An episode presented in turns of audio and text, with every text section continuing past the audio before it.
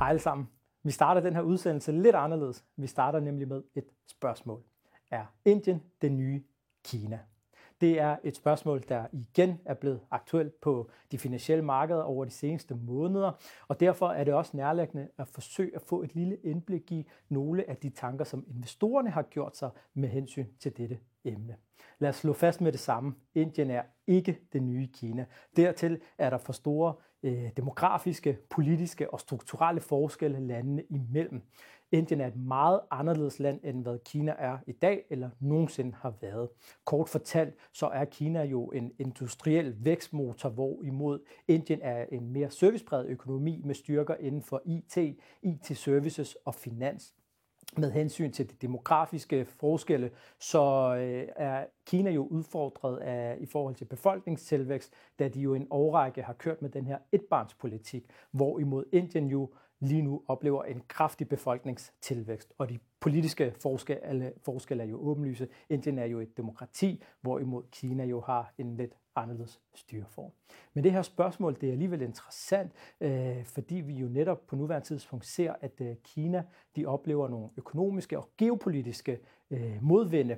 De ser ind i en periode, hvor der er enorm usikkerhed omkring den økonomiske og geopolitiske udvikling, og derfor dukker nabolandet Indien jo op på investorernes radar. I første omgang så kan vi tage et kig på udviklingen på aktiemarkedet.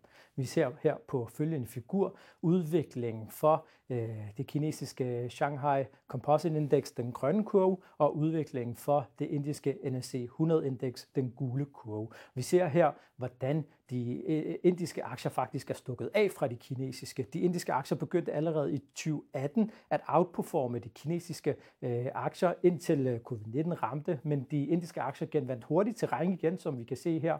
Og fra 2021 og frem efter, så er de to indeks faktisk gået i hver sin retning. De indiske aktier har jo outperformet ganske markant, mens de kinesiske aktier har været tynget af en perlerække af udfordringer. Det er blandt andet handelskrigen med USA og efterdøningerne af det. Øh, det er covid-19 og efterdøningerne af det. Og så også øh, hele konflikten, problematikken vedrørende Taiwan, og så de strukturelle udfordringer, som ejendomssektoren i Kina på nuværende tidspunkt kæmper med. De her elementer og komponenter har været årsag til, at særligt i Vesten, deres syn på Kina, deres opfattelse af Kina er blevet mere negativ. Og det har så også resulteret i, at der er flere af de vestlige lande, der er begyndt at hive noget af deres produktionsapparat ud af Kina igen. De er begyndt at hive nogle af deres investeringer hjem igen. Et, et af de øh, eksempler, et eksempel på det er jo de udenlandske aktieinvesteringer, som vi kan se på følgende figurer her. Der ser vi her udvikling i øh, hvad hedder det, de udenlandske aktieinvesteringer i Kina og i Indien, og vi ser, at de udenlandske aktieinvesteringer de strømmer ud af Kina. De øh, indflået af udenlandske aktieinvesteringer i Indien har været gradvist stigende siden marts 2022, som vi kan se øh, på den øh, opad, lille smule opadgående gule kurve her. Kina havde jo i starten af årtusindet en, et, et, et ekstremt inflow, et solidt, øh, stabilt inflow af udenlandske aktieinvesteringer, men det må man så sige også i de senere år øh, virkelig har vendt ved, ved den her nedadgående trend. Vi har set den her, det her enorme dyk, det her enorme fald. Og det skyldes jo nogle af de problematikker, vi har været inde på, men også lidt svækkede vækstudsigter, eller i hvert fald en vækst, der ikke er på det niveau, som man investor har været vant til fra Kinas side af i starten af årtusindet. Og netop det her, de første to årtier af det her årtusinde har jo netop været historien om Kinas fremgang. Spørgsmålet er så, om de næste to årtier, det kommer til at være historien om Indien. Hvad er det så, der gør Indien så interessant? I første omgang så kan vi tage et nærmere kig på den økonomiske udvikling. Her på følgende figur, der kan vi se den historiske BNP-vækst og forecast for de fremtidige, fremtidige forventninger til udvikling i BNP-væksten en stigende eksport, øh, voksende øh, indlandsk forbrug, stigende realløn, enorme investeringer i infrastrukturen, og den her fortsatte digitale transformation, den har været understøttende for den økonomiske udvikling i Indien. Og Indien præsterer sågar også øh, en BNP-vækst, der er højere end Kina på nuværende tidspunkt. Og hvis, man, øh, hvis det her vækstscenarie udspiller sig, så forventes det, at øh, Indien vil være i stand til at præstere en øh, BNP-vækst i de kommende år på mellem 7 og 8 procent. Det er jo ikke fordi, at væksten i Kina på nogen som helst måde er dårlig. Den er bare ikke på det niveau, man har været vant til fra Kinas side i starten af årtusindet. Og hvis det her vækstscenarie det fortsætter, fortsætter med at udspille sig, så øh, vil Indien faktisk gå hen og blive verdens tredje største økonomi inden for, inden for det næste årti, kun overgået af USA og Kina, som vi også taler om her. Hvad, hvilke faktorer er det så, der driver den her økonomiske udvikling, den her vækstrejse, som Indien har været på, jo, øh, som de stadig er på? Jo, til at starte med, så er det det politiske landskab.